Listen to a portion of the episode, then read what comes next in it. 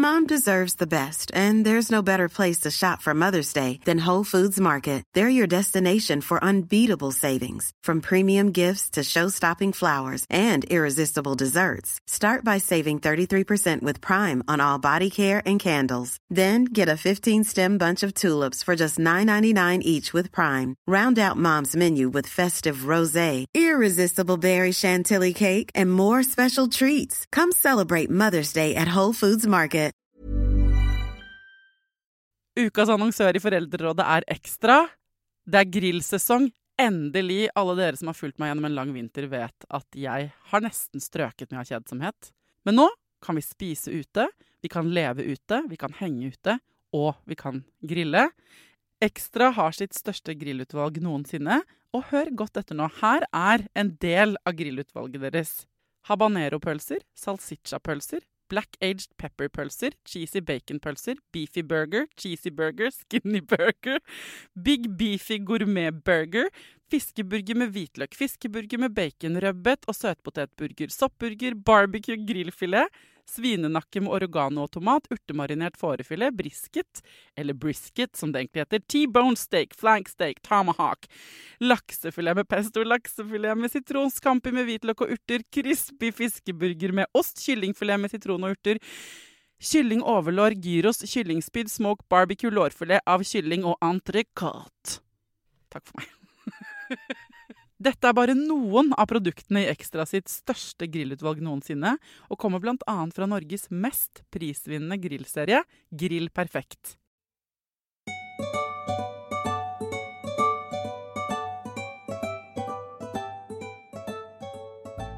Endelig er det juli og sommerferie for mange av oss. Og jeg har bestemt, folkens, at denne sommeren så skal du få Foreldrerådet to ganger i uka der du er. Om det er på hytta, om det er på eh, hjemmekontor, om det er på ordentlig kontor, om det er i en seilbåt, eller hvor du nå måtte befinne deg, så eh, skal Foreldrerådet komme ut fortsatt både mandager og fredager, selv om det er fellesferie. Et tema jeg mener vi må eh, ta denne sommeren med en gang. Det er alltid viktig, men kanskje det slår ut ekstra mye i feriene. Det er det vi har snakket om ganske mange ganger vært innom, hvert fall, i Foreldrerådet, som heter Det tredje skiftet. Den første episoden jeg lagde om Det tredje skiftet, det var i 2021, med en forsker på nettopp Det tredje skiftet. Og grunnen til at jeg mener du burde høre dette nå i sommer, er at for at både kvinner og menn skal få ferie på ordentlig, så trenger vi å løfte frem den usynlige jobbinga mange av oss driver med. Um, så hvis du bare har hørt litt sånn halvveis med et halvt øre om det tredje skiftet før, eh, tror du vet hva det er, men ikke kanskje har forstått det helt, så går jeg nå eh, sant, ned i arkivet, plukker frem denne episoden, som har som mål å forklare akkurat hva det er, og hvorfor det er problematisk at det tredje skiftet er så ulikt fordelt mellom kvinner og menn.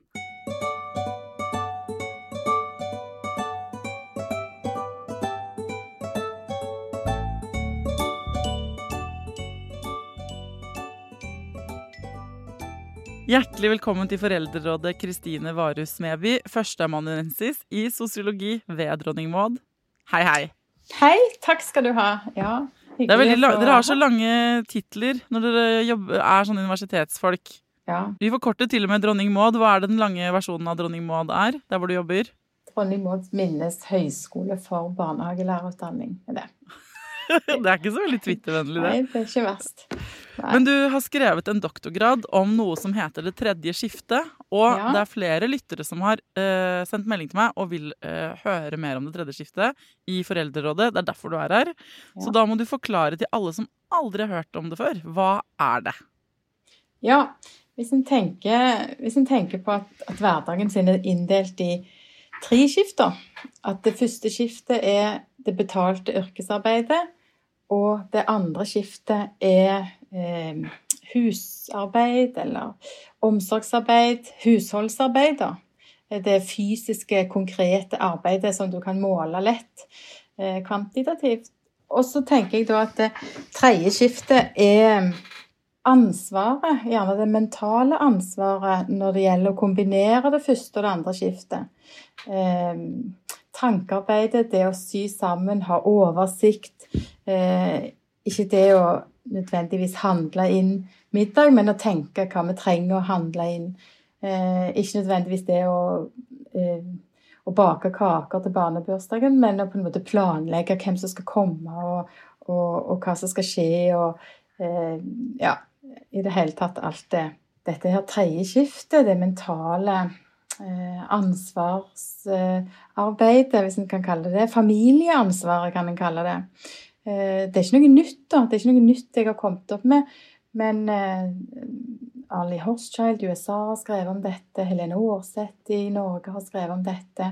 Eh, Andrea Dosett i Canada har skrevet om dette. Men jeg hadde lyst til å framheve det og la det på en måte få hovedrollen i en forskning da, i et samfunn som Norge, som ligger på andreplass når det gjelder World Economic Forum sin eh, likestillingsbarometer, f.eks. Island ligger på førsteplass. Eh, I et samfunn der likestillingsideologien står ganske sterkt. Altså det forventer av oss å skulle være om vi har ønske om å være likestilt, altså mellom eh, kvinner og menn i samfunnet vårt. Um, og da ønsket jeg å studere det sjiktet i vårt samfunn der en kanskje ville forvente å finne de mest likestilte parene. Der begge var i full jobb og tjente omtrent det samme og hadde mye ansvar i det første skiftet, altså det betalte eh, yrkesarbeidet, og hvor hun nå ønskte å dele nei, arbeidet i det andre skiftet. Eh, en ønsker å dele på å, å, vaske opp like mye, eller eh, vaske huset, eller ha ansvar for ungene. Omsorgsarbeidet. Eh, og de parene jeg valgte ut da eh, å intervjue i min eh, undersøkelse, de mente sjøl at de var likestilt. Jeg bare, for det, Sånn at folk får det helt inn med teskje. på en måte, er sånn, Det første skiftet er når du er på jobben, den jobben du får betalt for. Andre skiftet er at du vasker, baker, kjører, henter, lager matpakke. Ikke sant? Avholder liksom, de konkrete arbeidsoppgavene som på en jobb ville vært liksom Eh, ja, men eh, den som dekker bordet, eller som rydder opp etter, eh, etter, et eller annet, eller som kjører varer et sted, eller sånn. Og så har du på en måte det tredje skiftet er på en måte den koordinatorrollen. Den som både tenker ikke sant, I arbeidslivet er jo det en egen rolle. sånn en egen person hvis man har større prosjekter som, som, planlegger og sjekker eh, alt fra rutetabeller til busstider til at å, de ansatte skal jo ha en uh, julegave nå til jul, og hvordan gjør vi det? Det er ikke nødvendigvis den koordinatoren som kjøper dem inn, eller som pakker Nei. det inn, men det er den som har Hvis ikke de ansatte får julegave, så er det der skylden legges på den koordinatoren har ikke gjort jobben sin. Eller hvis hele reisefølget skal på tur, ikke sant? den gangen man kunne dra på firmatur, og det ikke er ledig, hotellrommene er ikke booket, og det er ingen som har tenkt på at en er glutenallergiker og sånn, da er det koordinatoren, reiselederen, som er ansvarlig for det. Og det i, på mikronivå er jo på en måte den som ja, i familiesetting planlegger. Ikke sant? Å, men nå må vi huske å ta med ekstra ullskift, for i morgen er det turdag, eller ikke sant? Ehm, den derre den der mentale delen. Det er ja. den du mener? Det er det ja. som er det tredje skiftet? Ja, akkurat. Det forsker, mm. amerikansk forsker som heter Mederer, som sa allerede i 1993, da, kalte det 'the invisible orchestration of everyday life'. Altså det, ja. altså det handler om å administrere og koordinere og organisere, men òg balansere. Og du kan jo si ytterste konsekvens så kan du jo si at i det tredje skiftet så, så delegerer en arbeidsoppgaver i det andre skiftet. Altså at hvis du er likestilt i det andre skiftet, så kan jo det òg være en konsekvens av det arbeidet en gjør i det tredje skiftet, da. Ja, jeg var på dugnadshelg eh, på hytta i helgen. Og da er det meg og kjæresten min som dro ned for å hjelpe til. ikke sant? Og det høres allerede der hashtag privileged ut, fordi det er mammas hytte, og vi selvfølgelig får være der. Og det er jo, skulle bare mangle at ikke vi Men der er det veldig, veldig tydelig for meg helgen, fordi da har mamma ikke sant? Hun har gjort alle rundene med å skrive lister over hva som skal gjøres. Og jeg merker at jeg eh, eh, Det er slitsomt nok å drive og kløyve ved og bære og ikke sant. Rake og gjøre alt det som man skal gjøre. Sant? Men um, jeg husker, da jeg kom ned på den, jeg jeg sånn Men hvor er listen? Hva er det vi skal gjøre? Hva skal vi gjøre når? Hva vil du at vi skal gjøre først?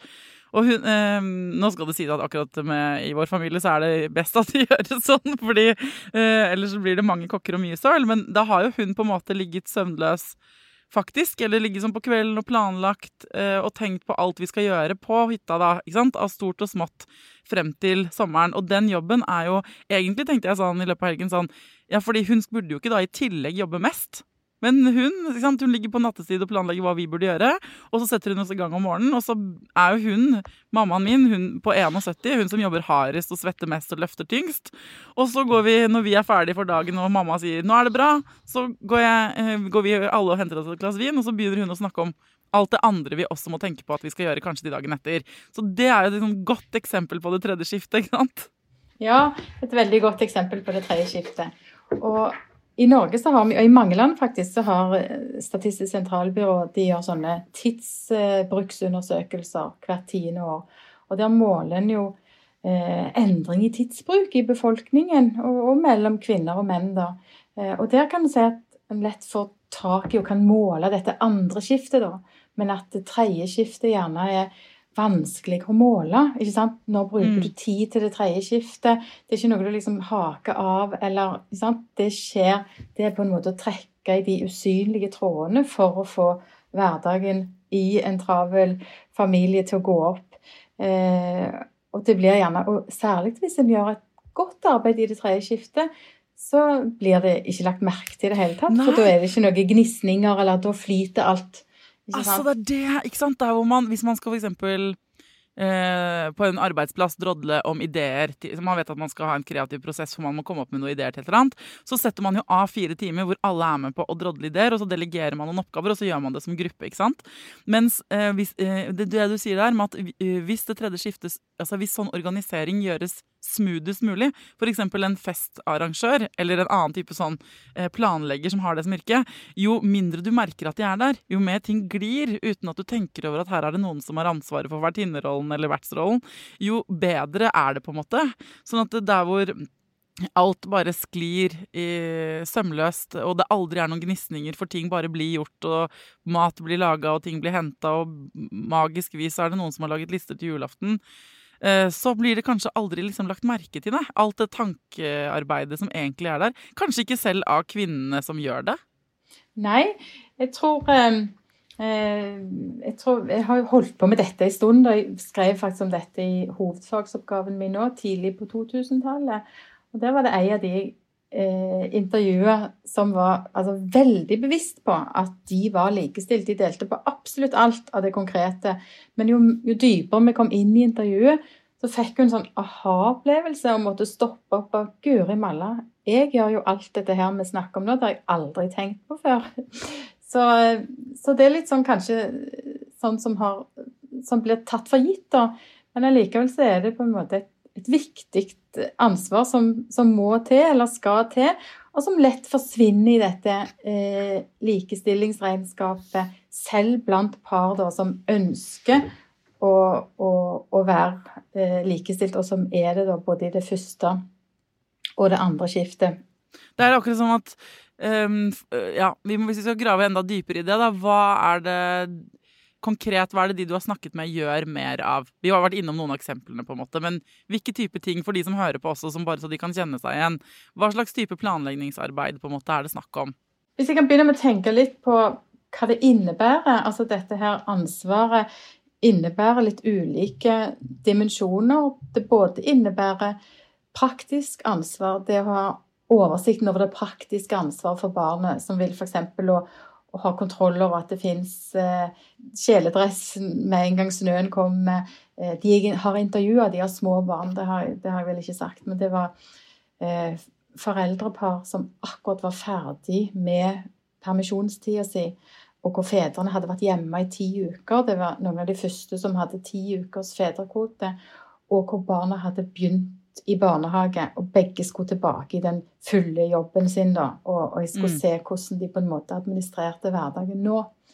Um, så det ene ja, er det praktiske arbeidet, det å ha kontroll på hva som trengs. da, Innsikt i oversikten, kan du si.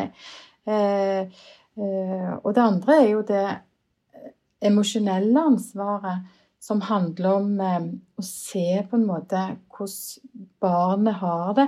Se, en uh, på en måte en forståelse for eh, hvorfor barnet er lei seg, eller altså se på en måte hvem er det som er i kretsen rundt barnet, og hva betydning har de på barnet, og hvordan virker ulike situasjoner inn på barnet, og, og et sånt ansvar, da. Eh, og så handler det òg om eh, ja, det å handle om et moralsk ansvar. Eh, som jeg så f.eks. i moralsk ansvar handler jo om de normene og forventningene som ligger i samfunnet vårt, og at gjerne de forventningene til mødre og fedre ikke er like. Det forventes mm. andre ting av mødre enn av fedre. F.eks. når en skal hente i, i, barnehagen. Eh, så så jeg i mitt materiale at mødrene tenkte mye mer over og var mye mer opptatt av hvordan de eh, ble sett av andre i barnehagen som en god mor. da. Samtidig mm. som de skulle være likestilt og selvfølgelig hadde lange arbeidsdager, så var det viktig for de å komme ikke komme sist i barnehagen. Mens fedrene ikke tenkte på det på samme måte. Eh, og jeg så at mødrene brukte fleksibiliteten sin i jobb på en annen måte retta mot ungene, da, for å kunne kunne de heller hente litt tidligere og, og jobbe litt seinere utover kvelden, f.eks. Ja, det, der tar vi, det er sånn usynlig, liksom. Den derre ja. ja. men hvis man har glemt ulltøy, da, eller regnbukse, hvem er det som tar hardest den derre at man får kommentar av det i barnehagen? Ikke sant? Mm. Hvem er det som føler på den? Sånn, den derre som man kan føle på, da. Sånn derre 'fader, vi glemte matpakke', eller eh, eh, Der tenker jeg at det er vel naturlig å se for seg at kvinner føler mer på det. Og det, kom, ja. Ja, det er jo dårlig gjort, liksom. Og det handler om det ansvaret, da. Eller at, at på en måte det er noen skjønne forventninger til, eh, til, til, kvinner, eller til mødre og fedre, som er, som er, annerledes, som gjør at mødre blir sittende gjerne med litt sånn klump i magen og dårlig samvittighet. For hvis ting ikke går sånn som vi forventer de, så faller det på en måte Konsekvensene blir mødrene sine. Da. Det er de som kjenner på at jeg har vært en dårlig mor. Eh, mens at fedre ikke kjenner på den på samme måte fordi at det ligger litt i forventningene at dette er mors ansvar, f.eks. Mm, men hvordan kom det frem når du snakket med folk, da? Jeg har f.eks. et eksempel. Det var, hun kaller seg sjøl som eh, eh, som Tårnfrid, hvis du husker han her. Otto Jespersen ja. var det vel som hadde en sånn figur med, med Tårnfri. Ja der hun kom inn i barnehagen og, og, hadde tvillinger. da, så Det var to små barn som skulle hentes samtidig. Og det er jo litt av en bragd, da, spesielt før barnet har lært seg å gå. Eh, og hun fikk Hun var jo i en sånn posisjon der hun måtte jobbe, altså telefonen eh, Hun måtte ta telefonen når den ringte fra jobb, da. Eh, og det gjorde hun mens hun henta ungene, kledde på dem, bar et barn under hver arm og fortsatte å snakke i telefonen og gikk ut eh, av barnehagen og bare vinkte så vidt. Og ble liksom sittende med veldig sånn dårlig samvittighet. Det er jo ikke sånn det skal gjøres. Der måtte på en måte jobben komme foran, da. Men da gir hun det bildet av seg sjøl, følte seg som tårnfri som gikk i høye hæler inn og bare mm. henta og suste av gårde. Og det ga henne en sånn ekkel følelse. Det var ikke sånn det skulle være da. Og mm. kontra et annet eksempel der jeg har en far der barnet skulle feire sin aller første Lucia-feiring i barnehagen og mor hadde organisert sånn at alle skulle troppe opp og få fri. Altså de eldre søsknene skulle komme, far skulle komme, alle skulle se på denne seansen i barnehagen. da. Men akkurat når, når dette toget gikk forbi, eh, så fikk faren telefon, så han ble stående på utsida av barnehagen. Og mor lo litt av far da, ikke sant? og sånn var det. Han fikk en telefon. Og når jeg spurte han om det, så, så, ja, sånn var det bare. Det var ikke noe sånn dårlig samvittighet og vondt i magen. Det, ja, det, er bare ett eksempel. Og sånn er ja, ikke sant? Og det blir jo veldig sånn herre Man havner jo For det jeg kan tenke at folk eh, har, Jeg kan kjenne det til og med inni meg, som egentlig er ganske sånn åpen for og eh, eh, har tenkt mye på det her, at man kan få litt sånn herre motstand Nei, men det er ikke sånn hos oss. Eller hos oss handler det egentlig mest om at jeg er interessert i det, og det er lettere for meg. Og man kommer med ganske mye sånn herre individuelle forklaringer. Og så er det interessant når man ser, når du ser, og man ser, at det er systematiske forskjeller. ikke sant? At ja, men i alle hjem så er det de unnskyldningene, på en måte, da. Eller det er sånn ja, men jeg kjenner jo de andre foreldrene best, det er mer naturlig at jeg tar kontakt, eller Det var jo Ja, jeg, han Mannen min er flinkere på det og det. Og så blir vi sånn opptatt av å på en måte snakke mannen opp, kanskje. Eller, mm. eller, se etter tegn på likestilling. Heller enn å For det er så ubehagelig. Det er liksom ubehagelig at det vi tenker at er individuelle valg, er systematiske valg. Hvis du skjønner hva jeg mener? Ja. Det er noen mønstre i, i samfunnet. Og det, og det ser en jo i tilsvarende forskning, som jeg nevnte nå. Helene Aarseth sin forskning, f.eks., eller Hanne Håvin, eller og, og, når det gjelder det tredje skiftet, så har jeg òg altså, Det er òg et annet ansvar som ligger i det, og det er det sosiale ansvaret. Eh, for eh, hvis det er sånn at, at mødre tar Det er jo gjerne ikke sånn som en merker, og det er jo gjerne ting Altså eh, Dilemmaet til mor er jo at hvis de velger bort det tredje ansvaret, så, så, velger de jo på en måte òg bort barnet i dette tilfellet, da. Med mindre far velger å ta dette ansvaret. Ja, noen må jo gjøre det. Ja. Noen må liksom steppe opp, for ellers så blir det jo på en måte ikke matpakke, eller da blir det ikke noen julegaver, eller da kommer man bakpå med alt, ja. da. Det er jo det, ikke sant? Ja. Så de forventningene skal, de ligger liksom på en måte hos mor. Da. Hun kan du si kanskje eier dette ansvaret, mens far kan i større grad velge, eh, velge å ta det til seg, da. Og det gir jo på en måte fedre litt eh, Du kan si litt mer sånn individuell handlingsfrihet eh, til å på en måte koble seg på dette, dette tredje skiftet. Og så får de veldig mye ros, de fedrene som gjør det. Ja, det er interessant du sier det. Og, og det finner jeg òg at, at, motsatt, da, at fedre har ulike strategier for å la mødre beholde dette ansvaret, f.eks. når det gjaldt eh, barnebursdager. da. Så i mitt materiale så var det ingen fedre som tok ansvar for å planlegge en barnebursdag. Selv ikke når de hadde vært hjemme i permisjon og mor hadde vært i jobb i den perioden hvor barnet ble ett år.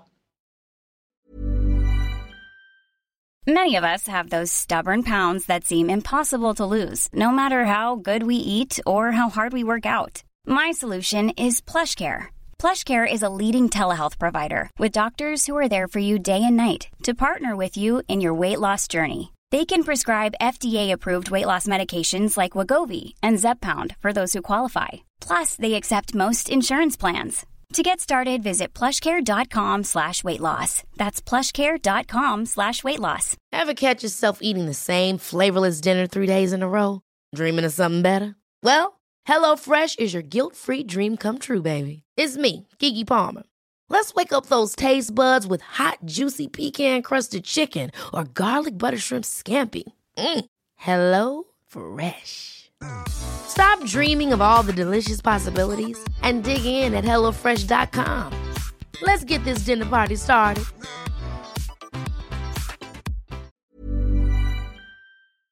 Ukas annonsør i Foreldrerådet er Nextory. Det er en lydbok- og e-bok-app.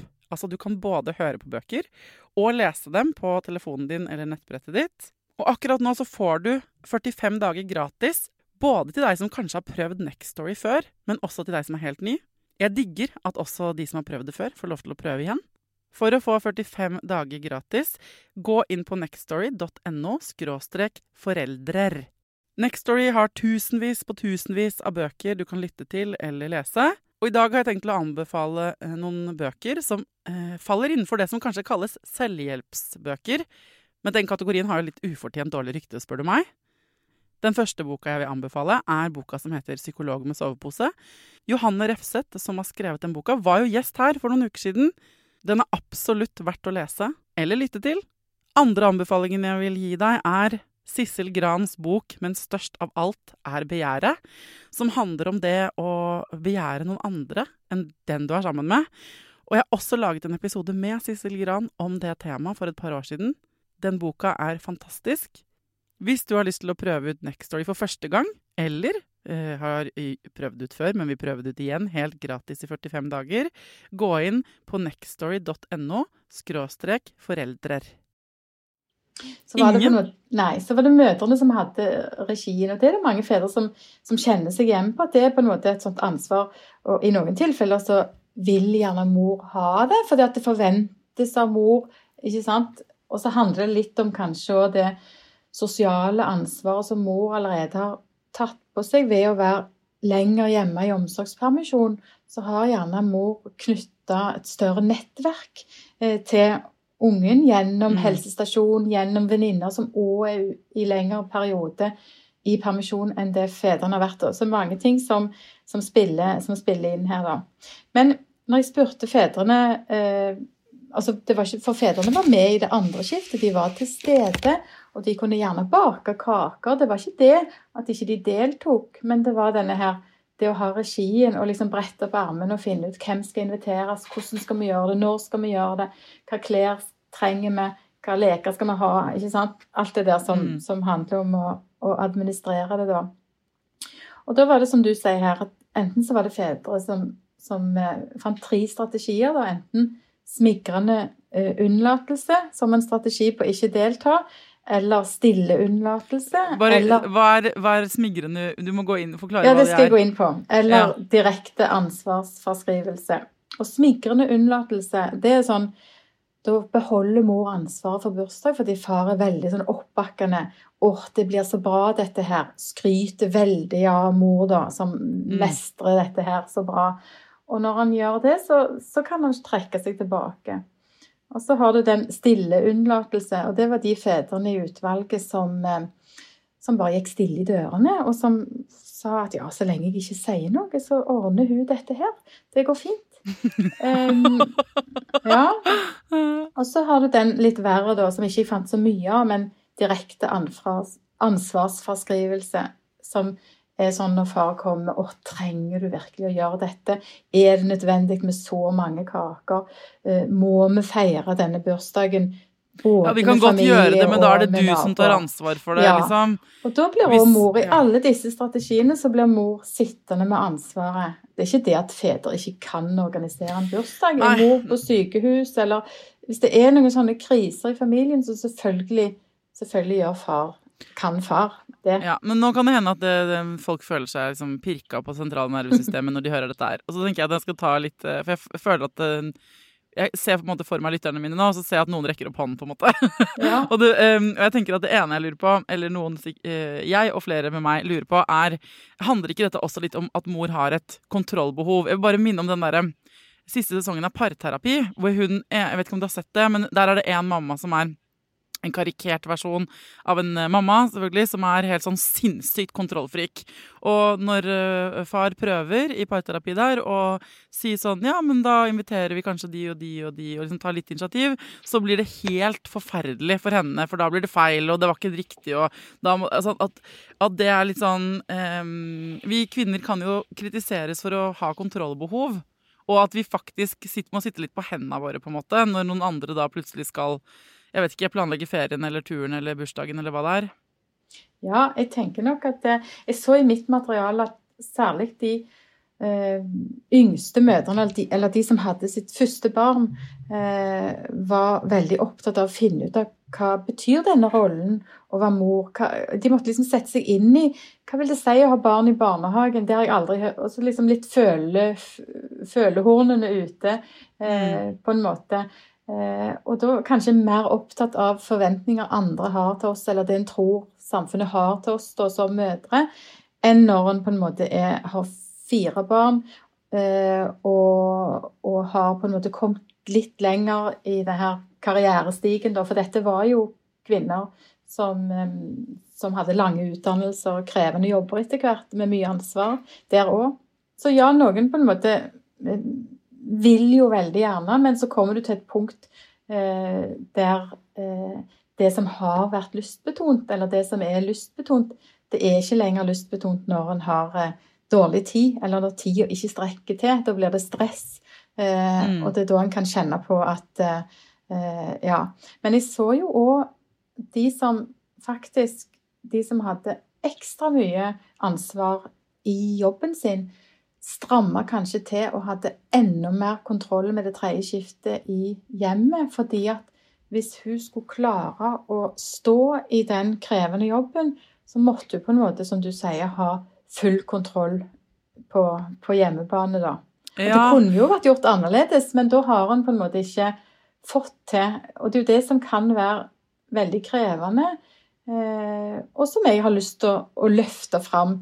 Eh, hvis en skal se det på en måte i samme Jeg så det jo Nå har ikke jeg forska på sykefravær og, og sånne ting, men, men, det ligger jo litt der i, i bakhovet at eh, kvinner eh, har, har, hatt mye høyere sykefravær enn menn, særlig i denne perioden for kvinner som er under 40 år. Altså når en kontrollerer for andre faktorer. Mm. Og, og, at dette sykefraværet øker med antall barn og med stillingsandel ja. i jobben, da. Ja.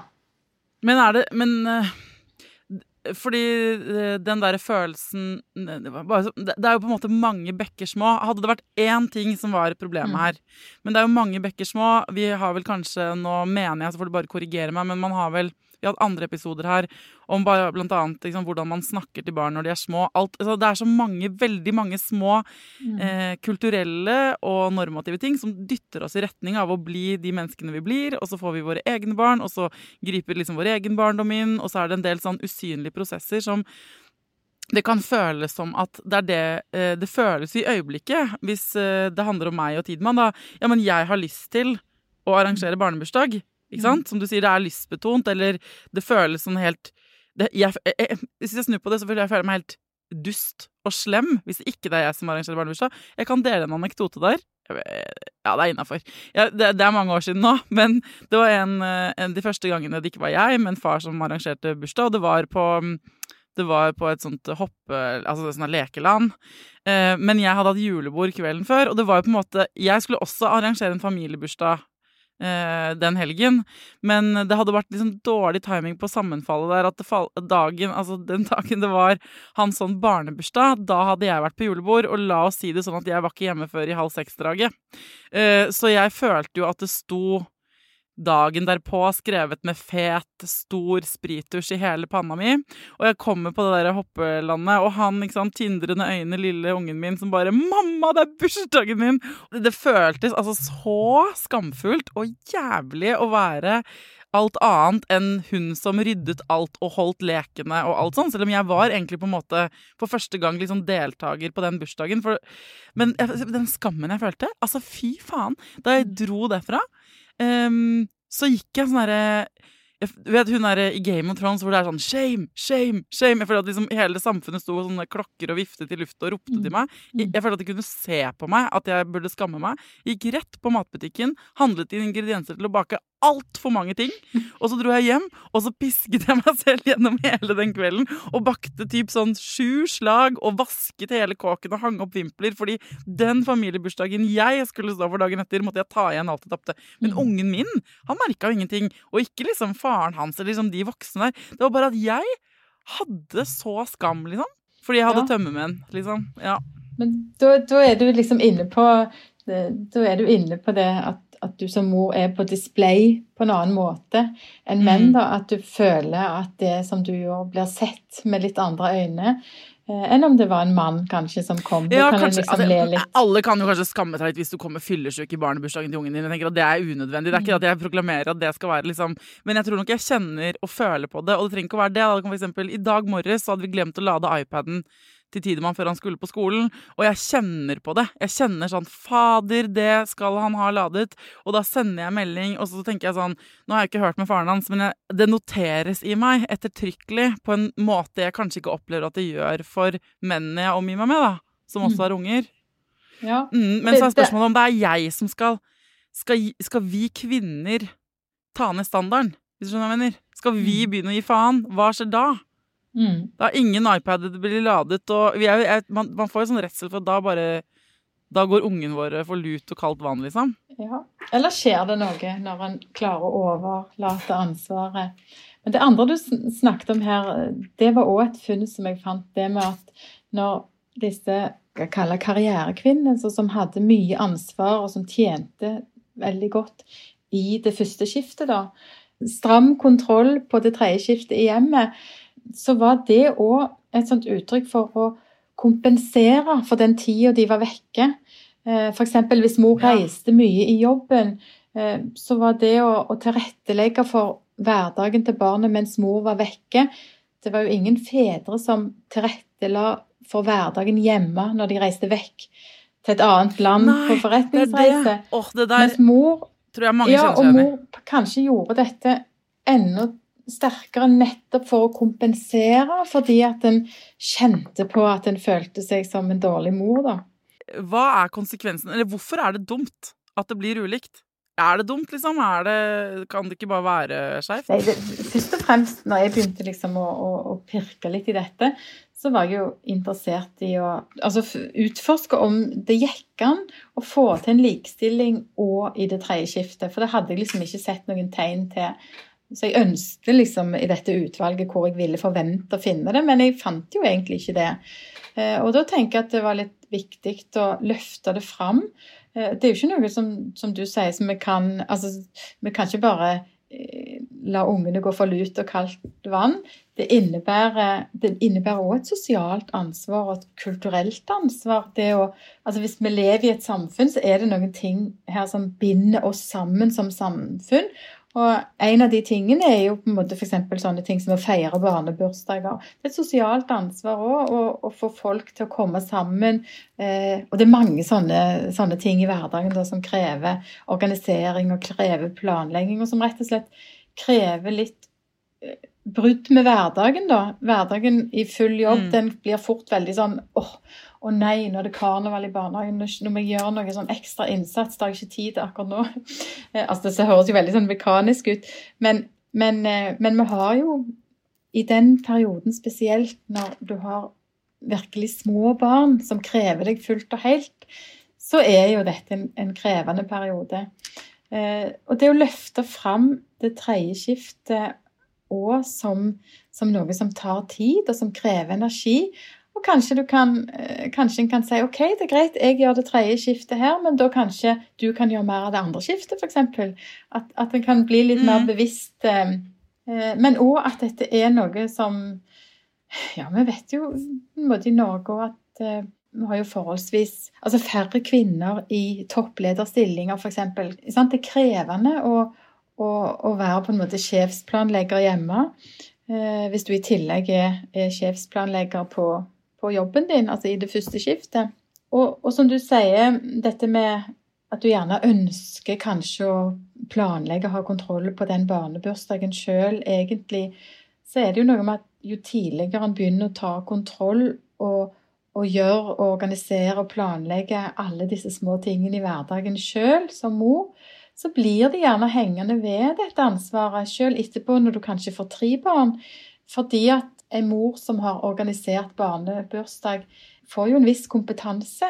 Men herregud, Kristine, det er så mange ting her jeg fortsatt lurer på. Nå har vi snakka sammen lenge, men jeg lurer på på en måte mer rundt eh, akkurat det der med liksom ved hvilke anledninger er det supermye mer jobb for kvinner? Og ikke minst, hva er det vi kan gjøre, da? Fordi det er ubehagelig å få trykka på de greiene der det føles privat og liksom kleint at ikke vi Eller jeg vet ikke. Det er et eller annet ubehag der jeg trenger å komme til bunns i. Og så vil jeg gjerne ha noen råd til hva vi kan gjøre, men jeg lurer på om vi må bare rett og slett lage en del to. Ja, det kan vi godt gjøre. Um, da skal jeg prøve å oppsummere den praten vi har hatt nå. Altså sånn, eh, folkens, Det tredje skiftet er eh, rett og slett et litt usynlig skifte. Det handler om den organisatoriske, emosjonelle og intellektuelle delen av jobben og det å, i å ha en familie, som gjøres hver dag av tusenvis av mennesker over hele verden. Millioner, milliarder av mennesker i hele verden. Um, det handler, ikke sant, Første skiftet er at du er på jobb. Andre skiftet er det husarbeidet, støvsuging, skifte dekk, alt det der. Og så har du det tredje, litt mer usynlige skiftet som handler om sånn å tenke gjennom ting, planlegge for, eh, sikre at det går smooth i alle overgangene opp mot helligdager på en måte, og feiringer og ferier og alt sånn. Men også i sånn derre hverdagen AS med matpakker og skitne gummistøvler og sure sokker og alt det der. Eh, og det vi ser, at i verdens nest mest likestilte land, altså blant de mest likestilte i samfunnet, så er det fortsatt sånn at akkurat der er det overhengende mye kvinners ansvar. Det er på en måte bare sånn det er. Og så kan man velge å tenke at det er ikke noe problem for meg. Sånn. Jeg eh, har veldig lyst til, i del to, å gå inn i nettopp hvis man syns det er litt slitsomt, og hvis jenter som hører på, damer som hører på, eller menn som hører på, tenker sånn Ja, men vi prøver å gjøre noe med det. Hva faen skal vi gjøre? Hvis du er kvinne og hører dette, så tenker jeg denne podkasten Det at du hører den, og ikke mannen din, det er kanskje akkurat et bevis på at du eh, gjør noe på det tredje skiftet. Du driver og leser deg opp og lytter deg opp på det der å være en god mor. Så da vil det første jeg ville gjort, er å sende denne episoden til han du har barn med, eller lever med. Og så tenker jeg at du skal tune inn eh, sant, neste uke òg, og så kan vi få noen helt konkrete råd til endring. I mellomtiden kan dere reflektere. Er ikke det greit da, Kristine? Jo, gjerne det. Åh, er det noe man kan eh, google eller lese på i mellomtiden for å få enda mer innsikt? Noen YouTube-videoer eller et eller annet som kan være fett å se i fellesskap hvis man vil adressere dette hjemme? Hvis en liksom begynner å tenke over det, så ser en jo drypp av dette tredje skiftet både i romaner og i tegneserier og, eh, Ja. og i filmer. Men, eh, men jeg har ikke noe sånn konkret som jeg kommer på akkurat nå. Nei, men kanskje man egentlig bare skulle sette på seg selv og notere litt. Ta et blikk på familien sin i løpet av denne uka her. Mm. Og sjekke ut hvem er det som gjør hva. For det kan godt hende det akkurat hos deg ikke er sånn, men reflektere litt sånn Ja, hvem er det som planlegger? Hvilke skjulte ting? Akkurat sånn som hun ene respondenten du hadde, eller hun du snakka med. ikke sant? Og Mm. la det synke litt inn, og bare legge ta litt sånn derre øh, utenforblikk på sin egen situasjon og registrere hvem er det som gjør hva. Ikke sant? Og ikke hvem er det som fysisk gjør hva, men hvem er det som hvem er det som ligger på kvelden og tenker på ting, eller hvorfor er det sånn? Eller registrere det litt, da, så kan man eh, få målt det på en måte på mininivå hjemme hos seg selv. Og det òg kanskje å prøve å gi litt slipp og se hva som skjer da. Om det går an. Ja. Ok, men da snakkes vi mer neste uke. Tusen takk for, Ja. for nå, da, Kristine. Takk for at jeg fikk komme.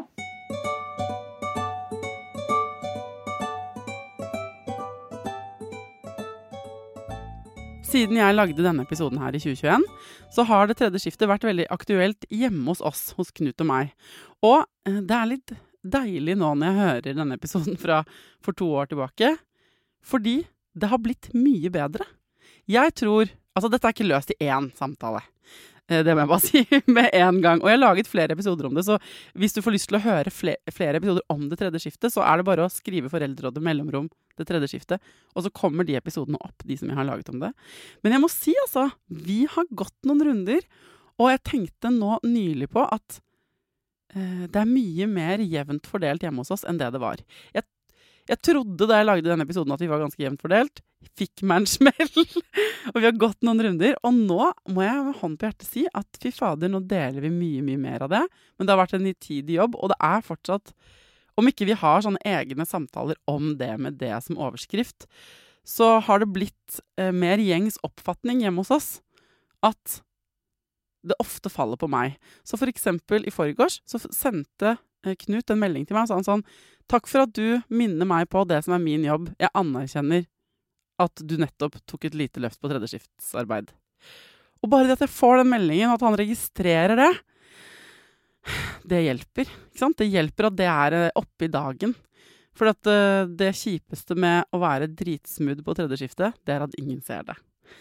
Ja, så du kan ta det til motivasjon hvis du trengte en liten sånn spark i rumpa. For det er, liksom, kan være litt vanskelig, men det hjelper faktisk. Hvis man eh, har en kul og grei partner, da, eh, er, hvor man klarer å snakke om dette her. Men et eller annet sted må man begynne. Ja, så bra jobba, Knut. Og bra jobba, Thea. Og så tror jeg alle tjener på det. ikke sant? Alle tjener på at vi fordeler arbeidsmengden litt mer jevnt. Eh, Nå på fredag og alle fredagene nå i juli så blir det søsterepisoder eh, med temaer om sommeren. Hvis du har noen innspill, noen sommerproblemer du vil ha løst, så er det bare å sende det til meg på Instagram. Men eh, det er altså sommerversjonen av spesialepisoder her på Foreldrerådet blir mine søstre Nanna og Katja og meg som løser det du måtte ha av utfordringer. Ehm, så det blir koselig, og da har du forberedt. Ok? Så til fredag, til neste gang, ta vare på deg sjæl, ta vare på ungen din, og lykke til.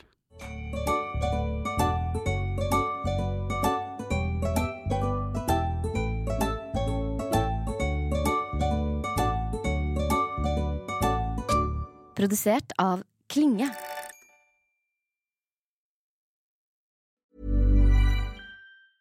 Even when we're on a budget, we still deserve nice things. Quince is a place to scoop up stunning high-end goods for 50 to 80% less than similar brands. They have buttery soft cashmere sweaters starting at $50, luxurious Italian leather bags, and so much more. Plus, Quince only works with factories that use safe, ethical, and responsible manufacturing. Get the high-end goods you'll love without the high price tag with Quince. Go to quince.com slash style for free shipping and 365-day returns. Mom deserves the best, and there's no better place to shop for Mother's Day than Whole Foods Market. They're your destination for unbeatable savings, from premium gifts to show-stopping flowers and irresistible desserts. Start by saving 33% with Prime on all body care and candles. Then get a 15-stem bunch of tulips for just $9.99 each with Prime. Round out Mom's menu with festive rosé, irresistible berry chantilly cake, and more special treats. Come celebrate Mother's Day at Whole Foods Market. This message comes from BOF sponsor eBay. You'll know real when you get it. It'll say eBay Authenticity Guarantee. And you'll feel it. Maybe it's a head turning handbag, a watch that says it all, jewelry that makes you look like the gem, or sneakers and streetwear so fresh every step feels fly. eBay gets it. So look for the blue check mark next to that thing you love and be confident that every inch, stitch, sole, and logo is checked by experts. With eBay Authenticity Guarantee, you can trust that feeling of real is always in reach. Ensure your next purchase is the real deal. Visit eBay.com for terms. Hi, I'm Daniel, founder of Pretty Litter. Cats and cat owners deserve better than any old fashioned litter. That's why I teamed up with scientists and veterinarians to create Pretty Litter. Its innovative crystal formula has superior odor control and weighs up to 80% less than clay litter. Pretty Litter even monitors health by changing colors to help detect early signs of potential illness. It's the world's smartest kitty litter. Go to prettylitter.com and use code ACAST for 20% off your first order and a free cat toy. Terms and conditions apply. See site for details.